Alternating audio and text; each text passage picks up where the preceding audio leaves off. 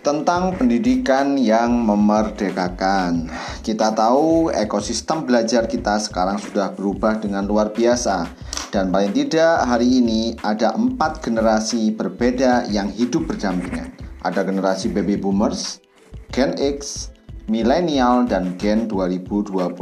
Tentu di sana akan ada gap. Nah, PR kita bersama adalah bagaimana menjembatani dengan menggunakan helikopter view dalam memandang hal tersebut. Hasil PISA, TIMS, OECD kita sudah tahu semua hasilnya barangkali. Dan untuk melakukan perubahan, mari kita mulai dari kelas.